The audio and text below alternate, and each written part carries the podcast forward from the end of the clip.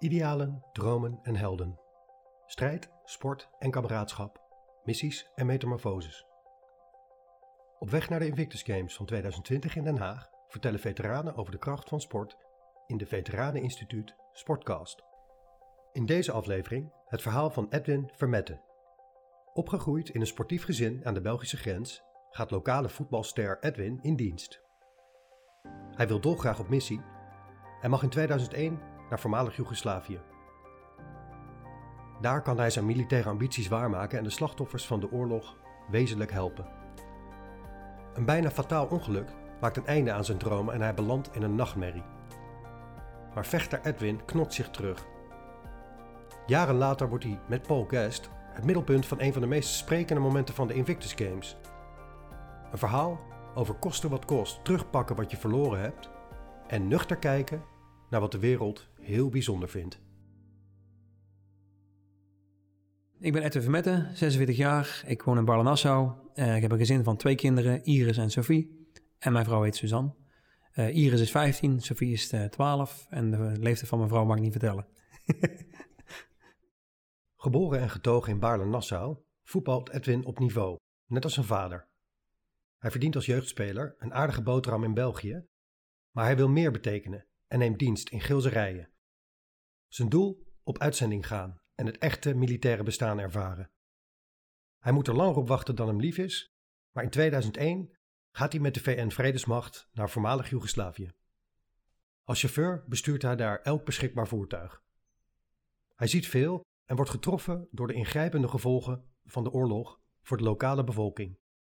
Onze almoezenier was daar in, in contact gekomen met een weeshuis met allemaal oorlogsslachtoffers, of in ieder geval kindjes van, uh, die, die door de oorlog zijn uh, zijn geworden.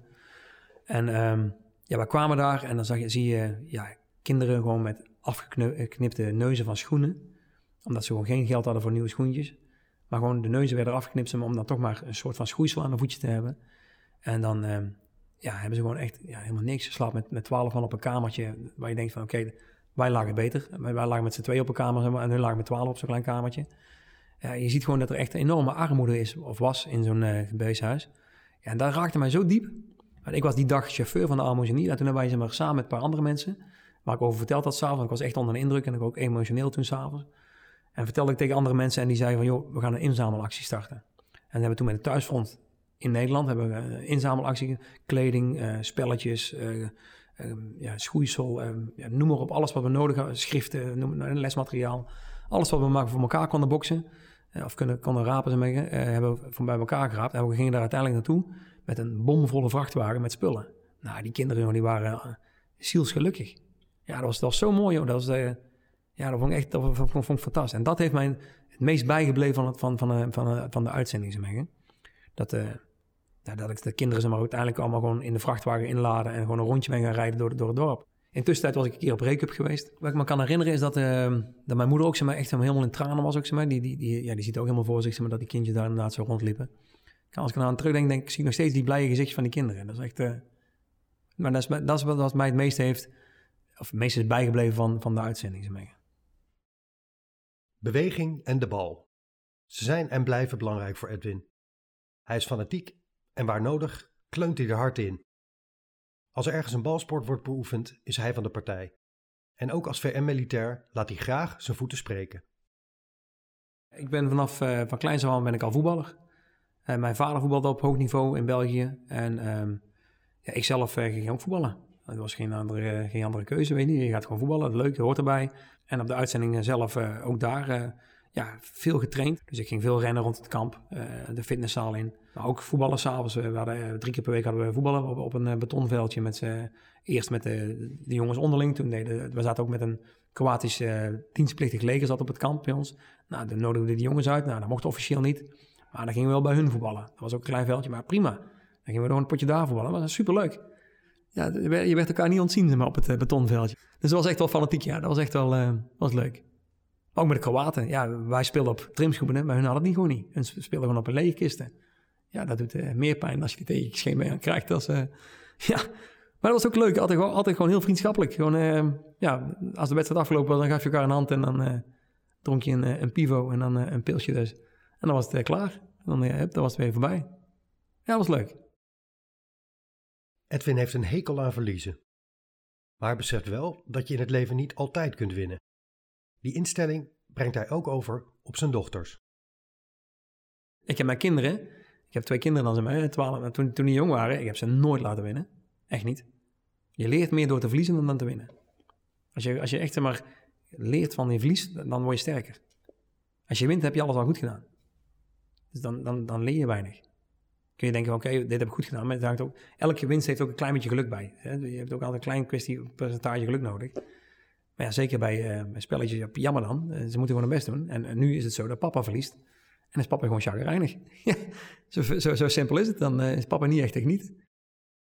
Oktober 2001. Edwin is in de vrachtwagen op de weg terug van een rit naar Bosnië, wanneer hij frontaal geramd wordt door een tegemoetkomende truck. Hij overleeft er nauwe nood, maar kan zich van het ongeluk en de maanden erna vrijwel niets herinneren. Pas later hoort hij hoe ernstig zijn verwondingen eigenlijk zijn. Op 24 oktober 2001 uh, uh, was de dag des oordeels voor mij mee. Maar doordat dat die aanslag is geweest in Amerika, hadden wij code rood. En moesten wij dus met scherfvest en helm op uh, de weg op. Ja, uiteindelijk heeft die scherfvest, of dat scherfvest, heeft mijn, mijn leven gered.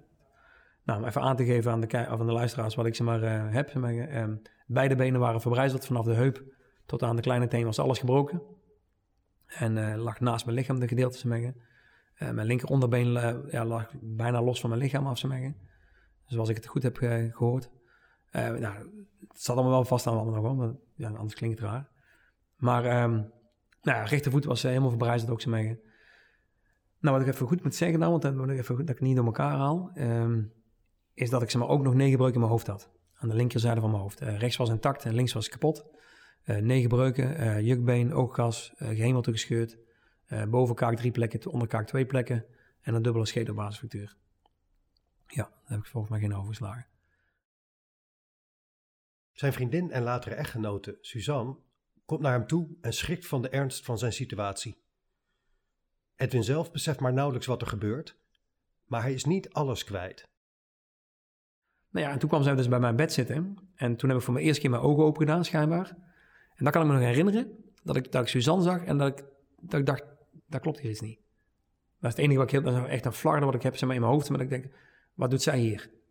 En toen ben ik weer weggevallen, want ik weet verder niks van wat er gebeurd is. Maar wat ik gedaan heb schijnbaar is, uh, uh, ik heb op mijn been geschreven, om gevraagd van, want ik kon niet praten, want mijn kaak was op elkaar gevlochten met ijzerdraad. Heb ik gevraagd, of geschreven op mijn been, hoe gaat het met jullie man? ja, toen, toen wist mijn vrouw van oké, het zit in, in zijn bovenkamer zit het goed. Hoewel zijn geheugen hem regelmatig in de steek laat, is Edwins winnaarsmentaliteit onveranderd. In het militair revalidatiecentrum in Doorn begint hij fanatiek als altijd aan een revalidatietraject dat uiteindelijk acht jaar zal gaan duren. Hij wordt in totaal 28 keer geopereerd. Maar opgeven wil en kan hij niet. Hij benadert zijn herstel alsof hij de wedstrijd van zijn leven moet spelen. Elke dag opnieuw. Uh, nou ja, ik, ik vind uh, revalideren vind ik topsport. Dat is echt elke dag zorgen dat je beter wordt. Daar, daar heb ik ook zo echt aangevlogen. Uh, ik wilde per se beter worden. Ik wilde per se laten zien aan de rest van de wereld. Maar ik vond het ook dat ik het verplicht was aan mijn uh, rest van mijn wereld en van mijn gezin en familie. Om te laten zien dat ik ze maar um, er terug bovenop zou komen en dat ik geen hulpeloos plantje zou worden en blijven. En um, ja, daar heb ik echt keihard voor gewerkt. Ik wilde beter worden, dus ik, was, dus ik had al stiekem al heel snel eh, een paar van die gewichtzakjes meegenomen vanuit de fysiozaal, achter in de tas. En dan eh, ging ik op mijn slaapkamertje, ging ik uh, ja, dat, gewichtzakje aan mijn benen doen. En uh, ja, ik had, ik had behoorlijke, behoorlijke bovenbenen. Toen ik uit het ziekenhuis kwam, kon ik met mijn handen om mijn bovenbenen heen. Zo, zo snel gaat, neemt het af in kracht mee. Hè? Dus ja, daar wilde ik terug. Ik wilde terug mijn eigen benen, joh. Ik wilde laten zien dat ik, ja, als ik wil lopen, dan heb ik sterke benen nodig. Dus, en nou, heel lang getraind, heel veel geoefend ook heel veel ja, tegenslagen gehad. Schroeven die afbraken. Heupmateriaal dat afstierf. Dat soort flauwekul allemaal. Maar uiteindelijk uh, ja, ging tel, telkens wel de weg omhoog. Ik, ik, had telkens wel, kwam ik, er, er beter uit. Um, het eerste wat ik, wat ik deed was, um, oké, hoe ga ik dit doen? Doelen stellen. Ik moet doelen stellen in mijn leven en zorgen dat ik ze maar haalbare doelen stel. bijvoorbeeld maar, het staand kunnen plassen. Iets heel doodsnormaals voor een man, maar dat wil ik kunnen. Ik moet gewoon staand voor de wc kunnen staan. En mezelf, niet dat iemand mij moet vasthouden. Maar ik was die poststoel, was ik zo ontzettend beu. Dat wil ik helemaal niet. Dat, dat je nou je, je behoefte doet en iemand anders dat op moet ruimen. Ja, daar was ik helemaal klaar mee. Ik denk, daar wil ik als eerste levensdoel. Ik moet gewoon staand voor de wc mezelf kunnen helpen. Of op de wc zitten om dan. En prima. Dus, en dat lukte. Nou ja, goed, oké, dat is één doel gehaald. En als je, als je doelen kunt afstrepen, ja, dat is een heerlijk gevoel om dat te hebben. Dus oké, dat, dat lukte me. Maar goed, als dat kan, dan moet ik ook zeg maar uh, vanaf de bank naar de wc kunnen lopen. Ja, dat was in het begin nog te veel. Dan had ik eerst een rolstoel nodig. Oké, prima. Maar dan wel de rolstoel in de gang kunnen laten staan, dat ik dan van de gang naar de toilet kan lopen. Nou ja, door de loopbrug, die we hadden ze maar op uh, de fysiozaal daar zo op uh, Doren. Um, of in Doren moet ik zeggen. Ja, daar hadden wij dus maar zo'n loopbrug. Ja, uren doorheen gelopen. Kilometers heb ik daar gemaakt. Om telkens maar een stap te zetten en dan zelf meer telkens vooruit te gaan. Nog maar een keer een stap zetten. Nou ja, oké, okay, dat lukte. Oké, nou als ik met één hand, met twee handen kan doen, moet het ook met één hand lukken. Dat lukte ook. Hup, weer op de grond vallen. Uh, weer een bloedneus. Niks aan de hand, jammer dan. Hup, opkrabbelen en weer opnieuw. En, nou, uiteindelijk, als ik één stap kan doen zonder hand, en uiteindelijk lukte me zelfs zonder handen. Eén stap, hup, weer plat op mijn bek. Jammer, opstaan, opkrabbelen en opnieuw. Eén stap is gelukt, twee stappen moet ook lukken. En zo liep ik om dat duur, zonder krukken, zonder hulpmiddelen, wat iets wat onmogelijk was geacht door de dokter. En dat kon ik niet lang, maar kon, ik kon het wel. Dus oké dan, ik kan dus een transfer maken vanaf de bank naar het toilet. Wauw, dan kan ik ook naar de, naar de auto lopen. Oké, en zo stelde ik telkens doelen bij. En zo kwam ik telkens vooruit in mijn, in mijn, uh, in mijn revalidatieperiode. Tijdens de revalidatie sport Edwin minder dan hij zou willen. Maar de bal blijft onweerstaanbaar. Als een vriend hem uitnodigt bij een rolstoeltenniswedstrijd, is hij meteen verkocht. Ik wilde niet inzien dat mijn uh, beperking, geen knieschijf, geen kuip en geen enkel meer hebben, die zijn verwijderd aan mijn linkerbeen, ja, dat je dan zeg maar geen normale sporter meer bent. Daar wilde ik even niet aan, aan, aankomen. Zeg maar. Dat wilde ik niet, niet vatten. ik kwam dus uit bij de rolstoeltennissers. En ik uh, zag daar mensen uit de rolstoel stappen. Ik denk, maar oh, wacht eens even. Ik denk, waarom stapt hij uit de rolstoel? Nou, toen hoorde ik, de ene miste een knieschijf, de andere had een, gewoon een beperking als een enkel, de andere kon gewoon niet meer rennen. Ik denk, oké dan. Dus er zitten ook gewoon mensen in die ze wel gewoon kunnen lopen. Ik dacht altijd, als, als je rolstoelport doet, dan moet je een dwarsleger hebben of zo. Nou, dat is dus helemaal niet. Je kunt dus gewoon, als je een beperking hebt, kun je gewoon in de rolstoel gaan zitten. Dan mocht je gewoon meedoen. Toen werd de drempel van twee meter naar echt gewoon een paar centimeter nog maar voor mij. Want ik, keek, ik zag het echt als een hele grote drempel waar ik tegenaan liep ze mee, om in een rolstoel te gaan zitten. En toen zag ik en denk, ja, maar als, als, als die mensen gewoon kunnen tennissen, waarom ik dan niet? Nou, ik ben zelf aangemeld en ik vond het spelletje zo leuk. Dan ben ik blijven tennissen. Nou, dat heb ik een paar jaar gedaan. En toen kwam, uh, op een toernooi kwamen ze mij vragen of ik uh, meeging naar de Mont Ventoux. Uh, of ik die ging mee beklimmen in een rolstoel. Ja, ik denk, oké, dat is leuk. Een mooie uitdaging, waarom niet? Nou, super tof. Wij daar naartoe. En we komen eraan. nou, toen met, de, met de auto de berg verkend. Ik denk, oh man, dat is echt wel een berg. Dus daar heb ik mij wel in vergist. Ik denk, shit, dat is echt, dit, wordt pittig. Maar goed, ik denk, hoe ga ik, hoe ga ik daar aanvliegen? Ik denk, nou oké, wat, wat leer je bij Defensie? Je moet dingen, zeg maar, um, ja, het is een berg, maar als je in je hoofd zegt, het is een heuvel, dan klinkt het heel anders. Dan is dat veel makkelijker te behappen voor jezelf. Tenminste, voor mij werkt het zo. Dus ik denk, oké, het is geen berg, maar ik ga die heuvel beklimmen. Klinkt heel anders. Voelt, voelt ook heel anders. Ik denk, nou goed, nou, we hebben die berg verkend met de auto. Um, heel veel bochten zitten erin. En ik denk, hoe ga ik dat doen? Oké, wij zaten met ons hotel onder in het dal en wij keken uit op de berg naar de top. Ik denk, oké, de dal was het moment van het ongeluk. En de top is waar ik nu bereikt ben. Ik bedoel, ik zou nooit meer kunnen lopen. Ik loop gewoon zonder hulpmiddelen. Zou nooit meer kunnen. Ik heb het toch bereikt. Dat is het hoogste. Dat is de berg. Dat is de top. En denk, oké, na elke... Ik, vertelde je al, ik heb heel wat tegenslagen gehad in mijn revalidatietraject. Elke bocht is een tegenslag. Zo visualiseerde ik mezelf daar. Maar na elke bocht ging wel de weg omhoog op de berg. Zo ook in mijn revalidatietraject. Na elke tegenslag ging toch de weg omhoog. En zo ben ik die berg gaan beklimmen, zeggen. Na het avontuur op de Mont Ventoux wordt Edwin door NOC-NSF benaderd voor Paralympisch team. Als deel van een tweemansformatie gaat hij bij het roeien met succes voor de prijzen. De volgende stap zijn de Invictus Games. Edwin neemt deel in Engeland en de Verenigde Staten en het maakt diepe indruk op hemzelf en op zijn familie die op de tribune zit. Maar de meest ingrijpende ervaring komt in Sydney in 2018. Ik kreeg een week of twee van tevoren te horen dat ik, uh, of ik wil gaan tennissen met een Engelsman, die, uh, een Brit, die ook zomaar uh, geen partner had. Paul Guest. Oké. Ik zeg, leuk. Ik wil graag tennis met iemand. Ik, ik heb gegoogeld wie die was. Nou, een beer van een kerel. Als je zeg maar een, een, een doorsnee biker in je hoofd neemt, zeggen, vol tatoeages, grote leren jack, dat is Paul Guest.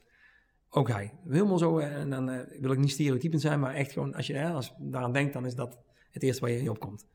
Paul Guest, grote, echt massieve, grote blok van een kerel.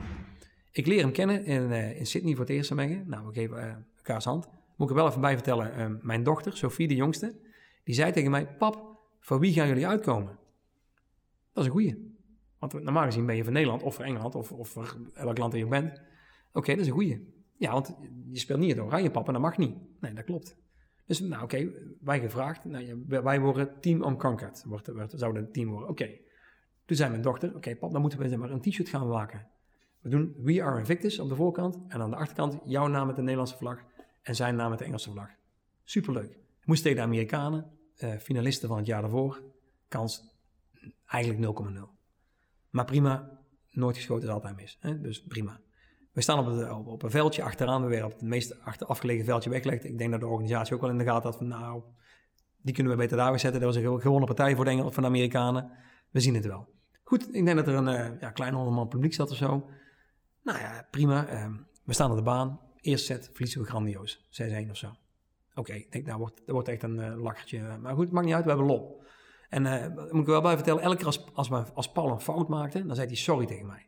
Sorry Eddie, sorry. Ik zei, joh Paul, daar moet je mee ophouden. Zeg, daar, daar worden we niet beter van. Hè? Ik zeg, tennis is elke bal een nieuwe bal en een nieuwe kans. Dus let it go. Uiteindelijk herhaalde ik wel tien keer tegen hem, let it go. Elke keer als je fout maakt, let it go Paul. Dat is ons motto. Let it go en dan hup, de volgende bal. Dus we kregen steeds meer plezier in het spelletje. Tweede set winnen we. 6-3 of zo geloof ik. Oké, en in het toernooi van Invictus Games speel je super tiebreak. Wie het eerst bij tien is, heeft gewonnen. Alles is mogelijk. Dus ik zeg tegen Paul, ik zeg Paul, nou moeten we doordrukken. Die Amerikanen waren behoorlijk onder de indruk van die tweede set. Want we doen het wel eventjes. Ja, denk ik niet. Dus wij, wij werden beter. Nou, het publiek werd steeds meer, want er kwam steeds meer publiek. Ja, dus oh, er gaat, staat iets leuks te gebeuren daar. Dus er kwam steeds meer publiek bij. Nou goed, uh, we staan op, uh, uiteindelijk komen we op setpoint, of matchpoint achter. 10, of 9-7. Matchpoint achter. Het is zo. Het spel is gelopen. We hebben machtig ons geweest, meer dan we verwacht hadden. Het publiek stond allemaal achter ons, want wij waren de underdog. Nou, prima. Paul is aan het serveren, komt een helikopter overgevlogen. Uh, iets verder van ons, 500, 600 meter van ons vandaan. Ik sta te kijken en denk ook, pff, keiharde knal. Ik kijk naar rechts, heeft hij gewoon een tennisballetje kapot geknepen. Helemaal in stress, heel, heel, zijn lichaam is aan het verstarren. Ja, hij schudt met zijn hoofd en ik zie, dat klopt niet, dat is niet goed. En instinctief ben ik naar hem toe gerold. Ik heb hem bij zijn hoofd vastgepakt en ik heb gezegd tegen hem, kijk in mijn ogen. En let it go, Paul. Let it go. En heb ik tien keer, veertien, misschien wel, weet ik veel vaak ook herhaald. En uiteindelijk kwam dat liedje in mijn, in mijn kop van Let It Go van, van, Frozen, dat liedje. En dat liedje ben ik gaan neurien, eh, half zingend. En, het, je zag hem ontspannen. Ik voelde me, uh, die stramme houding van hem, die, die, ja, ja, we zeggen die gespannen spieren van hem, die, die voelde ik ontspannen. Nou ja, oké, en, en ja, hij werd rustig. En ik, ik zei, oké, hij kwam terug, terug op aarde, als ik het zo mag noemen. En ik zeg tegen Paul, oké Paul, ik zeg, uh, en inmiddels was hij ook zijn verzorger erbij gekomen en op en zijn vrouw was erbij. Nou, oké, Paul, ik zeg, wat wil je? Hè? We staan 9-7 achter. Je, moet nog één bal serveren. Het is eigenlijk matchpoint. Het is verlopen partij. Hij zegt, wat wil jij? Ik zeg, nou, ik wil doorgaan. Ik zeg, we zijn militairen. We gaan strijden het toneel op. En we gaan met opgeheven hoofd ervan af. En dus we gaan ons niet... Ik zeg, dan maar gewoon verliezen. Het maakt niet uit, Paul. Oké, oké, let's do it, zei hij. We gaan elkaar een box. En we zijn terug naar de baseline gereden. Nou, het publiek werd helemaal gek. En over en over, het was al die tijd muisstil geweest. Je hoorde alleen de krekels en, en de vogeltjes. En het werd een over en over de waai, want inmiddels was, ja, ik denk wel 200, 300 man publiek, denk ik. En die waren allemaal voor ons aan het applaudisseren en uh, go Paul en go Team Unconquered. En oké, hij serveert een ace. 9-8. Wow, er is heel veel mogelijk. En uiteindelijk winnen we de wedstrijd met 15-13. Nou, ik was helemaal gek. Die foto heb je gezien. Zo zie ik eruit als ik win, Zemeggen. Nou, dat helemaal. Nou, maar toen wij dus klaar waren, ABC, BBC, alles, CNN, alles stond in één keer met camera's onder onze neus, want dit was het moment van de Invictus Games. Terwijl ik heb niet meer gedaan dan hem getroost. Wat wij leren bij Defensie is je buddy helpen. En je hebt een buddy in bij Defensie. Daar sta je voor klaar, hij voor jou, jij voor hem. Ik heb niet meer gedaan dan hem getroost. Meer heb ik echt niet gedaan. Maar de wereld vindt het iets heel speciaals. Ja, heel, heel apart. Het moment van Paul en Edwin gaat de wereld over. En eenmaal terug in Nederland staat de pers allemaal op te wachten. Maar ook zijn moeder is op Schiphol. Die heeft, net als Edwin zelf, juist een nuchtere kijk op dit virale moment. Zoals altijd houdt zijn familie hem bij de les en steunt hem door dik en dun. En we komen aan op Schiphol. Ah, mijn moeder staat daar en heel de familie. En, uh, och, en mijn moeder vliegt me rond mijn nek. En ook de Nederlandse de pers staat er uh, meteen. Huppakee, jij bent die jongen van Let It Go. Jij bent van Invictus Games. Oké, okay, nou ja, goh, en wat ging er door je heen? En nou, oké, okay, al helemaal verhaal verteld. En toen vroeg ze aan mijn moeder, um, wat vindt u hiervan, mevrouw, dat uw zoon dit gedaan heeft? En die zei in plat Brabants, als mijn zoon niet gedaan had wat hij gedaan had, had ik een klap deze oren gegeven. Hij heeft geleerd van mij dat hij, als je iemand ziet in nood is, moet hij gewoon helpen. Klaar. En, dan, en anders was ik gewoon kwaad geweest en dan had ik echt een klap deze oren gegeven. Dus ja, dat, dus dat, dat, die journalist had echt zoiets van, oké dan. en dat gebeurde er. Uh, ja, nou, mijn familie is ook uh, bij elke wedstrijd bij geweest. Dan zijn ze de trouwste supporters die je maar kunt wensen, denk ik. Paul heeft tijdens het hele tennis nog drie keer de aanval gehad. Maar elke was mijn familie ook op de, op de tribunes. En um, heb ik altijd wel contact met ze. Ik weet waar ze zitten voor de wedstrijd begint. Ik, zeg wel, je moet niet meer gaan verplaatsen of zo. Want ik, ik wil weten waar je bent. Ik moet ze maar... op sommige momenten heb ik het wel eens moeilijk tijdens de wedstrijd of zo, weet ik niet. Dan, dan moet ik even... Dan zie ik mijn vrouw of mijn kinderen. En dan zie ik mijn jongste dochters roepen of, of mijn dochters roepen van... kom op papa! En dan hoor ik dat. En dan is papa weer even rustig. Of papa heeft net even de drive weer van, oké, dit heb ik nodig. En dan, uh, ja, dat, dat, heb ik nodig. Ik moet, ik moet weten waar ze zitten. Dat is voor mij wel heel belangrijk, ja. Dus ook, want dat zie je ook op het filmpje, als je maar terug zou kijken naar, als ik die prijs krijg, dan geef ik een handkus naar het publiek, maar ik weet, ik weet waar ze zitten. Daar, daar, ja, dat is ook hun moment. Ik, bedoel, ik, ik had nooit kunnen revalideren en nooit kunnen bereiken zonder mijn thuisfront. Never nooit. Je hebt zo'n stabiele basis nodig om ze maar uh, A te kunnen revalideren, vind ik. En ook nog zo later dan topsport te doen. Dan heb je echt zo'n ja, stabiele ondergrond nodig. En daar zijn ze geweest. En nog steeds. Dus ja, de, zijn maar allesies. Tot slot heeft Edwin een oproep aan iedereen die luistert. Hoewel hij zelf geen rol heeft bij de Invictus Games in Den Haag, wil hij de luisteraars wel van harte aanbevelen daar begin mei heen te gaan. Dit jaar zijn de Invictus Games in Nederland, uh, in Den Haag, van 9 tot 16 mei. Ja, dat, ik zou zeggen tegen het Nederlands publiek, ga daar naartoe. Dat is echt, um, als je kunt en wilt zien, ze maar wat, wat, uh, wat militairen allemaal gedaan hebben en geofferd hebben, ze mengen. Uh, ja, dan, dan staan je ogen wijd open, denk ik. En je zult met kippenvel daar weggaan. En verder zou ik willen zeggen nog, um, voor de veteranen die thuis zitten, dit horen en nog geen stap hebben gemaakt in, in hun revalidatietraject. Um, ja, probeer een keer naar buiten te komen.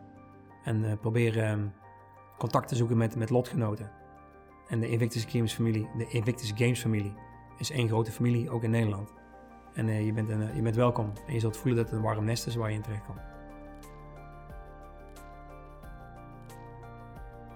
U luisterde naar de tiende aflevering van de Veteraneninstituut Sportcast.